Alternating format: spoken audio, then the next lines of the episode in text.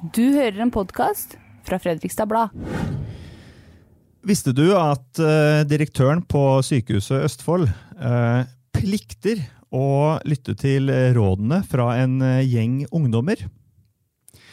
To av de er på besøk i studio her nå. Dette er Fredrikstad Blads nyhetspodkast Hør her. I studio sitter Ranne Randi Christoffersen og meg, René Svendsen. Velkommen hit, Pia Glomdal Hansen og Fredrik Bø. Tusen takk. Takk, takk. Hvorfor sitter dere to i ungdomsrådet til Sykehuset Østfold? Eh, nei, Min historie starta egentlig med at jeg ble kreftsyk i øyet som treåring. eh, og var igjennom en lengre periode med behandling for dette frem til jeg var rundt eh, åtte og er nå til årlig sjekk. Eh, og i denne perioden så um, var det jo mye på sykehus, og man oppdager jo hva som er bra og hva som er dårlig. Eh, og i løpet av så mange år da, så finner man jo gjerne en del ting man gjerne vil endre på. Eh, og i tillegg til at jeg da tidligere har vært med i andre ungdomsråd eh, på kommunalt nivå, så fikk jeg høre om ungdomsrådet på Kalnes av en eh, venn av familien. Eh, og da søkte jeg meg inn der, for jeg tenkte at dette var en gyllen mulighet til å få, eh, få endre på det jeg så når jeg var der, og hjelpe de som er innlagt i dag. Hvor du sitter med en genser som det står 'sjukt'. Sjukt engasjert. Det er eh, på en måte vårt eh, slagord eh, som, vi har, som vi har funnet på. For vi har prøvd å lage merch, eller hettegensere, som vi skal ha på oss når vi er rundt og reklamerer for Ungdomsrådet, eh, for å spre ordet om oss. Men er du den kreften Du er helt kreftfri nå?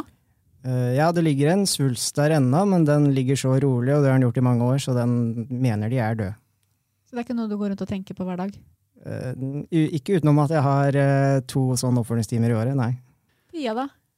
Nei, eh, jeg har egentlig vært Når jeg var mindre, så hadde jeg astma og var veldig syk og lå mye innlagt. Så helt fra jeg var liten, så har jeg fått måte, helsevesenet veldig tett innpå meg. da. Eh, og senere så har jeg da blitt diagnostisert med en leddsykdom da, som forårsaker mye smerter. Og jeg har da fått en del erfaringer gjennom å ha vært pasient da på sykehuset. Eh, og så var jeg på et opphold på Cato-senteret, som er et rehabiliteringssenter. Eh, der jeg ble kjent med mange andre sjuke ungdommer, da, om du kan si det på den måten. Eh, som hadde en del erfaringer fra helsevesenet. Og en av dem var eh, leder for ungdomsrådet ved Ahus.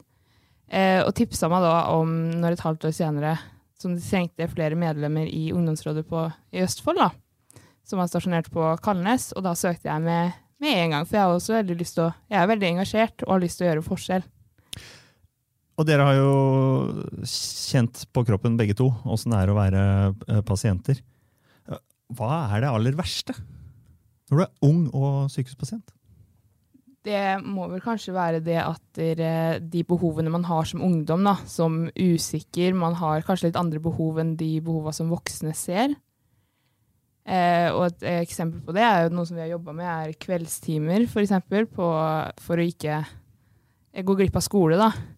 Så er det ofte sånn at der, Jeg har et eksempel, da, at noen går til BUP og må ta fri fra skolen. Hvis de går til BUP for å ikke slutte på skolen, da, men så må de ta fri fra skolen for å dra til BUP, så har, har det liksom mot sin mening da, å dra, dra og få psykisk hjelp for å ikke slutte på skolen.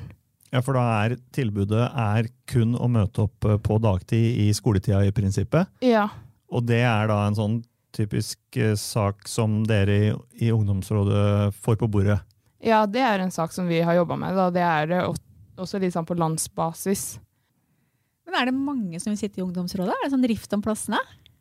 Eh, altså, det vet jo ikke vi som sitter der selv, for vi har koordinatorer og andre ansatte på sykehuset som styrer eh, inntaksprosessen. Men hvordan sa du at, eh, eller hvordan kom du inn? Sendte du en mail, eller fikk Ja, du altså- noen kontakt av deg? Når vi skal komme inn, nå vet jeg ikke hvordan det var for forrige bolk, for jeg har vært siden starten. Eh, Men når jeg gikk inn, så var det fordi vi så en søknad på nett, hvor vi sendte en mail med et slags motivasjonsbrev for hvorfor vi ville være med.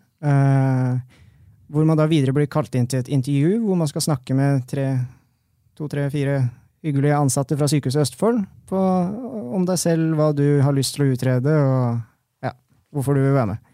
Og da velger de ut, så så vi blir ca. ti stykk. Ja, dere sitter på massevis av erfaringer, men hvor mange sykehusdøgn har dere hatt? Har dere noe tall på det?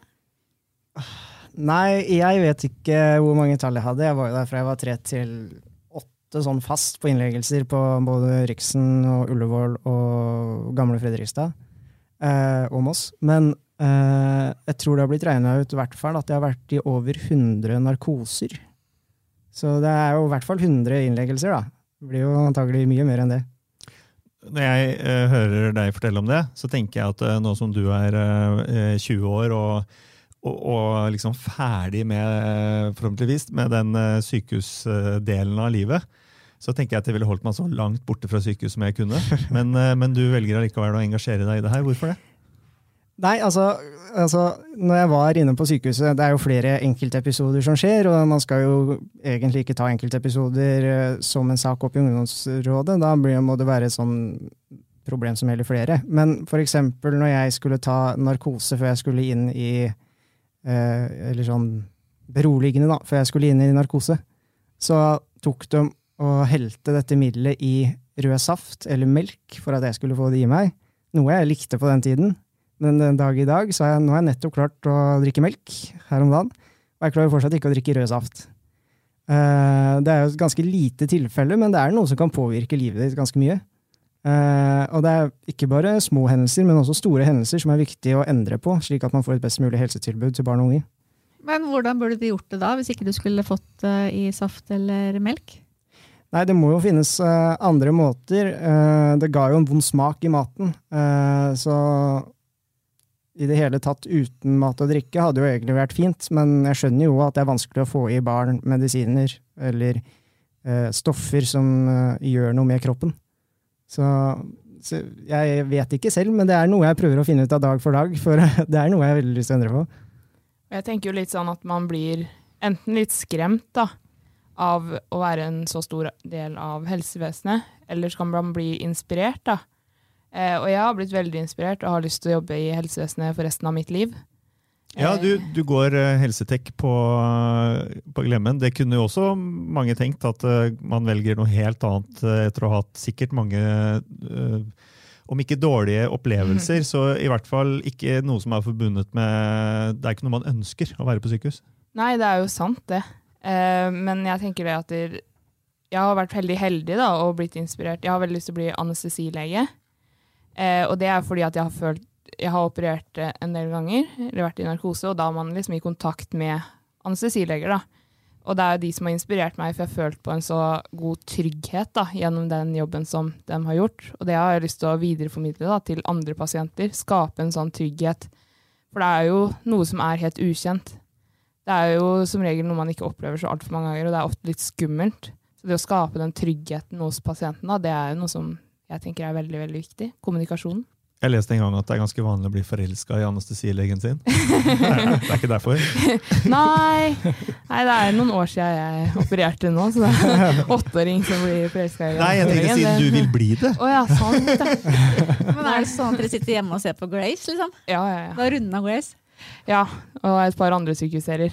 Eh, Ja, altså Det er jo helt klart at man må ta det positive ut av det her òg. Man har jo mange positive opplevelser ut fra sykehusopphold. Blant annet, eh, jeg så veldig mye på Olsenbanen junior da jeg var liten, og jeg gjør det fortsatt i dag, fordi det får jeg bare gode minner til. Og takket være det, og at jeg hadde en, eh, en mormor som var veldig på for eh, at jeg likte dette, så sendte hun inn til Se og Hør at eh, jeg likte Olsenband junior, og da fikk jeg jo møte han som spilte hovedrollen i Olsenband junior. Og han hadde jeg jo antakeligvis da ikke møtt hvis jeg ikke hadde vært syk. Og så har vi også sykehuskloner, eh, som også er rundt på sykehusene og lager ablegøyer og bidrar til en bedre hverdag for de som er innlagt. Eh, Sykehusklovnene er jo for barn, men hva skal til for ungdommen? Nei, vi har jo da et prosjekt som vi har jobba med, da, som er Mathilde-rommet. Eh, det er et rom som ligger på sykehuset, som var oppkalt etter en som het Mathilde. En som het Mathilde, som eh, var kreftsyk. Hun hadde jo da veldig mange døgn på sykehuset, og man blir jo passe lei av de fire hvite veggene. Eh, og det kan jo gå til psyken, rett og slett. Så hun døde dessverre, men hun sparte opp masse penger og donerte alle disse pengene til å lage et rom med et annerledes miljø enn de fire hvite veggene. Da. Og vi har uh, samarbeida med hennes foreldre, og da skapt dette rommet da, på sykehuset. Så det er på en måte et litt fristed for ungdom, da. Som ikke ser ut som fire hvite vegger, men som har annen farge på veggene. Det er TV, det er eh, PlayStation, og det er kanskje et rom der du kan få gjester, da. Og føle at du er et annet sted enn på et sykehus. Eh, og det vi jobber med nå, er eh, f.eks. å sørge for at man kan få bestilt eh, pizza fra en lokal pizzakjede istedenfor å få sykehusmat inn dit når du har besøk av venner. Eh, det har også vært sentralt at man må få inn seng inn på rommet, da, må jeg legge til. For eh, det er jo egentlig et behandlingsrom. Men er det um, aldersgrense? Er det sånn at man finner legoklosser der? At det også er Nei, altså du finner, ikke, du finner ikke legoklosser der. Eh, I utgangspunktet var det vel beregna for ungdom, eh, men det er for alle. Så det skal ikke være noe problem om du er under eh, ja, ungdomsgrensa, på en måte. Du nevnte, du nevnte pizza, Fredrik, eh, og sykehusmat er det mange meninger om. Ja. Eh, og ungdom kan være kresne. Ja. er, det noe, er det spesielle forhold rundt sykehusmat og ungdom som dere i ungdomsrådet er opptatt av? Eh, nei, altså, sykehusmat er, eh, som du sier, veldig, å, veldig mye omtalt. Eh, jeg husker det selv når jeg fikk eh, brødskive med svett gulost. Det var eh, ikke akkurat det jeg hadde lyst på når jeg ikke hadde matlyst eller fryktelig mye smak. Eh, og vi har jo, som du sier, veldig kresne, kresne mm, preferanser. Eh, så målet er jo å få inn flere, eh, flere valgmuligheter når det kommer til mat, som man har opplevd at Rikshospitalet blant annet har hatt, at det har vært brosjyrer i resepsjonen der hvor man kan bestille mat opp til rommene. Og det trenger jo ikke bare være pizza, det kan jo være alt mulig annet.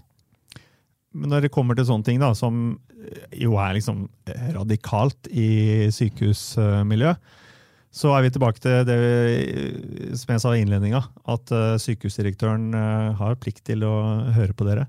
Betyr det at dere to kan som, ta opp telefonen og, og ringe direktøren når som helst? Eh, vi kan jo for så vidt det, men eh, det går som regel gjennom eh, Vi har to koordinatorer eh, som er veldig flinke og hjelper oss, da. Så vi eh, formulerer jo søknader eh, og klager, og da, da går det via de da, til ledelsen, da. Jeg hører at man skal være sånn tålmodig og tåle saksbehandling og sånn. Er det Høres ikke typisk ungdomsaktig ut, men eh, blir dere sosialisert inn i den tålmodigheten? Ja, på en måte. Vi hadde jo en sak nå for ikke så lenge siden. Da var det jo faktisk jeg som sendte den direkte til administrerende direktør. Eh, og det tok, eh, det tok noen uker uten at vi fikk svar. Uh, og det skjønner jeg jo, for hun har mye å gjøre, og det er en del av eh, behandlingen uh, av saken. Men da sendte vi bare en oppfølgingsmail og spurte om vi kunne få svar. Eh, og da fikk vi raskt svar eh, rett etterpå. Hva lurte dere på da? Eh, Den saken vi jobber med nå, er inngangen til akuttmottaket på barne- og ungdomspsykiatrien. Eh, Fordi den er veldig lite skjermet. Eh, Og man kan også si at voksenavdelingen er veldig skjermet. Og da har vi jo stilt spørsmål med hva er grunnen til at barne- og ungdomsakuttinngangen ikke er det.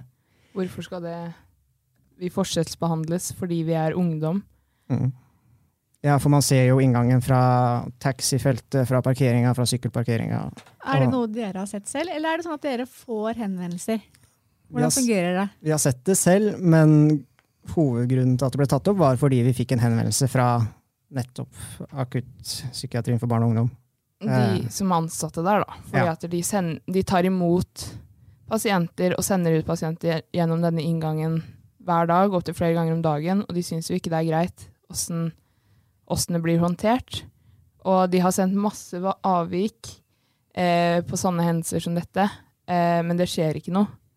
Og jeg tenkte, eh, det er jo vår koordinator da, som hovedsakelig kom med denne saken. Eh, og da tenkte vi at vi må ta den saken her i egne hender, fordi, nettopp fordi at der, eh, sykehusdirektøren har, må høre på oss. da. Hvor er det verst å være eh, ungdom og pasient på sykehuset? Eh, nå har jo ikke verken jeg eller Fredrik erfaringer fra alle kretser, å si. Men jeg, jeg vil tro kanskje at eh, den tøffeste avdelinga å være på er kanskje psykiatrisk. Mm. det er veldig mye stigmatisering når det kommer til den psykiatriske delen. Det er mye tabu Mm. rundt eh, disse temaene. Uh, når dere snakker med ungdom som er der, da, har dere en opplevelse av at det er, er en fordel eller en ulempe at det er en del av det store sykehuset? Eh, nei, det Vi har ikke snakka direkte med de som er innlagt på sykehuset, men vi har jo folk i rådet vårt da, som er, eh, har erfaringer fra den delen. Eh, og vi har jo ikke fått egentlig noe direkte svar på det. Men eh, det er vel sånn at det er kun akuttpsykiatrisk som ligger på Kalnes. Så har vi en avdeling her i byen da, som er for mer langvarig opphold, og det tror jeg er veldig viktig. At de er separate, så at man ikke skal føle at man er på en institusjon, da. Eller en del av sykehuset, liksom. Man kan være et eget sted over lengre tid, få den behandlingen man trenger, da. Uten å være innlagt på sykehuset, uten å måtte si 'jeg er innlagt på sykehus'. Eller gå i de hvite veggene dag på dag. Men når man er innlagt på sykehus, da, som du sier, er det rom for privatliv? Får dere Når jeg var innlagt, så opplevde jeg noen ganger at bare booste inn helsepersonell uten å banke på og spørre om de kunne komme inn. Eh, Men jeg har også erfart eh, at eh, de har vært tålmodige, banka på, spurt om det går greit, eh, og gitt oss privatliv når vi trenger det. Ja, og angående privatliv, så tenker jeg også litt sånn på når man er ungdom, da. Så er det jo en, ting, en del ting som er litt usikkert. Det er eh, kanskje en del ting man ikke har lyst til å snakke med foreldre om, da.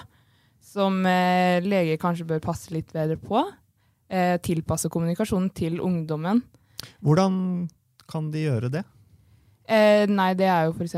å henvende seg direkte til ungdommen og bruke et eh, såkalt enkelt språk. Da. Ikke et barnespråk, eh, men tilpasse språket til hver enkelt som man jobber med. Eh, og så handler det jo også om å kanskje ikke stille alle spørsmål foran foreldre, da, men ha en egen, egen samtale med kun pasient og lege. For noen ganger er det greit at pårørende er, er med på timene når man er ungdom eh, og følger med og har noe å tilføye, men andre ganger så kan det være greit å være bare alene da, og si akkurat hva man mener. Hvis ikke så tror jeg at det er mye løgner ute og går, fordi man kanskje ikke vil at foreldrene skal vite det ene eller det andre. Man har jo alltid litt hemmeligheter. Altså, du tenker at uh, som uh, ung pasient så vil du rett og slett prøve å dekke over eller uh, ja, skjule sannheten i en sånn felles samtale hvor foreldrene er til stede? Ja. Jeg tror det er mange ungdommer som føler det sånn. Nå snakker jeg ikke på vegne av meg selv, fordi jeg er ganske åpen med mine foreldre. Men det er jo mange det som føler at de ikke kan være åpne med foreldrene sine. Og da resulterer det jo i at det ender med løgn, da, foran en lege. Og da er det jo fint at vi fikk forespørsel fra barne- og barneavdelingen her eh, for ikke så lenge siden om, eh, med et par spørsmål som de hadde tatt opp på sitt avdelingsmøte og lurte på våre synspunkter på, hvor vi blant annet snakka om sistegangskonsultasjoner og generelt konsultasjoner på avdelingen, eh, hvor vi eh, fremmet det Pia snakker om her, at man kanskje da skal ha en egen samtale med bare barna eller ungdommen, da, og snakke om sånne ting. Og det her handler jo om overgangen fra barneavdeling til voksenavdeling. For det er en sak vi i rådet vårt jobber med, men også en sak vi jobber med på landsbasis. da. Hva er aldersgrensene der? Eh, det er sånn i helsevesenet i dag at der, fra den dagen du er 18, så blir du overført til, eh, til voksenavdelingen. Så det fins jo ikke en ungdomsavdeling, sånn sett, så du er barn fram til du er 18. Det hadde jo vært det mest ideelle, det, å få en egen ungdomsavdeling. Fordi at ungdommer er en komplisert eh, pasientgruppe og trenger kanskje litt annen behandling enn et barn eller en voksen. da. Så det er jo kanskje ungdomsrådets mål på lang sikt, å få til en egen ungdomsavdeling. Men hva tenker dere om at eh, sykehuset har jo flest enerom, men det er også noen eh, firemannsrom der borte. Mm. Og så legger man ungdom inn på samme rom, eller ungdom og, og en treåring. Hva tenker dere om det? Eh, Nei, det tenker jeg egentlig ikke er greit, da. For man skal jo gjøre vi, Vår jobb er jo å gjøre helsevesenet ungdomsvennlig. Jeg vil ikke si det er så veldig ungdomsvennlig å være 16 år da, og ligge på, ligge på rommet med en treåring som bygger Lego. Eh, så det mener jo vi at bør tas hensyn til, da. Men er det greit at to ungdommer deler rom? Heller det. Ja, det er jo så klart mye bedre, men så er det jo også det med brukermedvirkning som må inn i spillet her, da, at du må høre med de det gjelder, om det er greit for dem. Eh, og eventuelt da senere spørre om det fortsatt går greit for dem å dele rom. Hvor mye har en ungdom eh, å si? Hvor mye rett har en ungdom å si når man ligger på sykehuset? Alle har jo en menneskerett. Alle har retten til å bli hørt. Eh, så det har jo ungdom òg, eh, på samme måte som det en voksen har. Eh, men det spørs jo litt hvem man snakker med, da. Det er jo enkelte leger som eh, har veldig fokus på brukermedvirkningen, eh, mens andre ser kanskje litt mer bort ifra den. Ja. Er det lettere å avfeie ungdom enn en voksen? Ja, det vil jeg tro. Sånn generelt sett. Ja, for hvor, hvor mye tid bruker dere på ungdomsrådet? I utgangspunktet har vi seks møter i året, som vanligvis er da tre på våren, tre på høsten. Uh, og så pleier vi å ha helgesamling. Vi skal ha helgesamling nå i starten av november med det rådet vi har i dag. Uh, men det blir jo også litt eh, arbeid utenfor med forskjellige foredrag, uh, være med på kurs eh, og arbeid med, med brev, klager, søknader. Det går jo utover skole og venner, men det er verdt det, kanskje? Altså, det kommer an på hvordan man gjør det selv. Vi er jo ti stykker i dag i rådet, hvis jeg har telt riktig. Uh, og i hvert fall nå som det er korona, så er det jo lettere for folk å få det til, for det er ikke like mye reisevei, f.eks., som meg, som pendler to timer hver vei til Oslo hver dag. Altså, ja, altså man tar jo tid, man tar seg tid til det. Eh, for det er noe vi syns er viktig, og det er en viktig sak, og det tar ikke alltid like lang tid i alle sakene heller. Nei, ja, for min del da, så måtte jeg dra fra skolen nå. Jeg hadde, var jo midt i fysikktimen. Men uh, det her er såpass viktig for meg da, at jeg tenker at det er sånne saker som man bør stille opp på. Uh, og så får man heller ta igjen skolearbeidet hjemme, da. Og fraværet? Og fraværet. Men det blir jo politisk fravær. Ja, så det er vi har, en, vi har jo rett til å være her. Vi får godkjent fravær. Man heller jobbe inn litt senere. Det er folk som uh, kjenner regelverket her. Uh, skjønner um, dere, uh, tusen takk for en interessant og opplysende prat. Eh, jeg vet ikke med deg, Randi, men jeg hadde ikke hørt om Ungdomsrådet før eh, vi fikk nyss om dette her. Ikke heller. heller. Og du har jobba Ja. med helsejournalistikk i mange, mange år, ikke sant? Ja. Ehm, vi, eh, vi pleier alltid å avslutte disse podkastene med en, en liten anbefaling som Ja. eh, Randi og jeg gir til eh, lytterne. Ja. Kan være hva som helst. Mm. Noe man har lyst til å dele med andre. Mm. Um, og jeg må innrømme at uh, jeg tror nesten ikke jeg har uh, forberedt meg, altså, men Randi starter alltid, så jeg skal komme på en anbefaling mens uh, Randi prater. For nå lurer vi på hva er det du har lyst til å anbefale denne uka her, Randi? Nå skriver jeg ikke så mye om helse lenger, men jeg skriver mye om kultur. Og akkurat nå så har jeg sittet og lagd eh, kulturkalenderen for denne helga og neste uke. Og nå er det så deilig, for det begynner å skje ting igjen. Det er litt sånn som det var før 12. mars. Så min anbefaling er å gjøre en kulturaktivitet. Det er så mye bra som, er, som skjer om dagen. Så bare kom dere ut og Gjøre, gjøre en kulturaktivitet, Nei. eller liksom gå på gå på en er det jeg konsert, mener. Gå på konsert, teater, et eller annet. Savner, hvor mye savner vi å gå på konsert med masse folk og stå foran scenen og på en skala fra 1 til 10? Ti. I, Jeg hadde gleda meg masse til Idylfestivalen i år. Jeg òg. vi får ta det neste år. Det er lov for oss å si det, Randi. Selv om vi er altfor gamle, så hadde vi også uh, gleda oss til det. Veldig. Men nå er det mulighet hvert fall til noen små arrangementer. med en meters avstand. med en meters avstand. Men det er jo verdt å støtte kulturlivet nå. Absolutt. Ja, vet du hva, Siden du er i kulturhjørnet, da, Randi, og vi snakker om musikk, og ting vi har gått glipp av i år Fordi er en ting jeg har gått glipp av, eh, som jeg eh, Jeg kan godt skylde på at jeg skulle dit sammen med dattera mi, eh, men det er jo egentlig ikke derfor. Det er et konsert med Taylor Swift. eh, som jeg, har veldig, som jeg liker veldig, veldig godt. Fordi hun er en kjempeartist med flotte tekster, og har gitt ut en eh, plate, en siste plata som heter Folklore. Og den har jeg eh, hele denne uka her, så har jeg satt på den på iPhonen ved siden av hodet mitt eh, på hodeputa, og 30 minutters innsovningstid, og så har jeg sovna til de nydelige sangene til eh, Taylor Swift. Um, Og det anbefaler jeg alle andre å prøve. Så Sovne til musikk? Hva sa du? Sovne til musikk? Ja, det går helt fint. Ja. Eh, gjør det. Du må sette på sånn eh, sleep timer, bare. Sånn at, du, sånn at ikke den står og går hele natta. For da våkner du på et eller Har annet dere tidspunkt. testa det ut? Du Jeg nikker, hører Pia. eh, alltid på podkast når jeg skal sove. Ja. Eller lydbok. Så det er jo bare å sette på timeren det, og så teller den ned, og så slår den seg av seg selv når du har sovna. Har du da testa den podkasten med han eh, som, eh, som lar kakla gå til du sovner? Ja, ja den sett. det funker. Han snakker i monotont uh, toneleie. Ja. Han starter med å si Oi, da skal vi snakke om veldig kjedelige ting. Kanskje det er det man skal på sykehuset i- Ja, ja, ja. bedøvelse? Det funker, det. Genialt. Uh, men uh, Fredrik og Pia, har dere, har dere lyst til å anbefale noe, så er det lov, altså. Ja, vil du starte, Pia? Eh, For det første så må dere jo følge oss på Instagram, da. Så for eh, spredd det budskapet. Og Og dere Facebook. heter Ungdomsradet understrek Ostfold. Ja. Det er min anbefaling. Det var din anbefaling. Min anbefaling eh, er to anbefalinger. Eh, den første er søk på ungdomsrådet når dere ser at det kommer ut søknad om det. Og så må dere huske å samtykke hvis dere er under 18 år. Vi har nytt opptak i mars. I mars, ja. Mm. Eh, og min andre eh, oppfordring er prøv noe nytt. Jeg prøvde tennis i sommer, og nå er jeg frelst. Nå har jeg kjøpt meg tennisracket og det som er, så du vet aldri hva du går glipp av hvis du ikke prøver noe nytt. Og tennis er koronavennlig. Helt riktig. Ja. Tusen hjertelig takk, og tusen takk for besøket, og lykke til videre med viktig arbeid. Tusen takk. Tusen takk.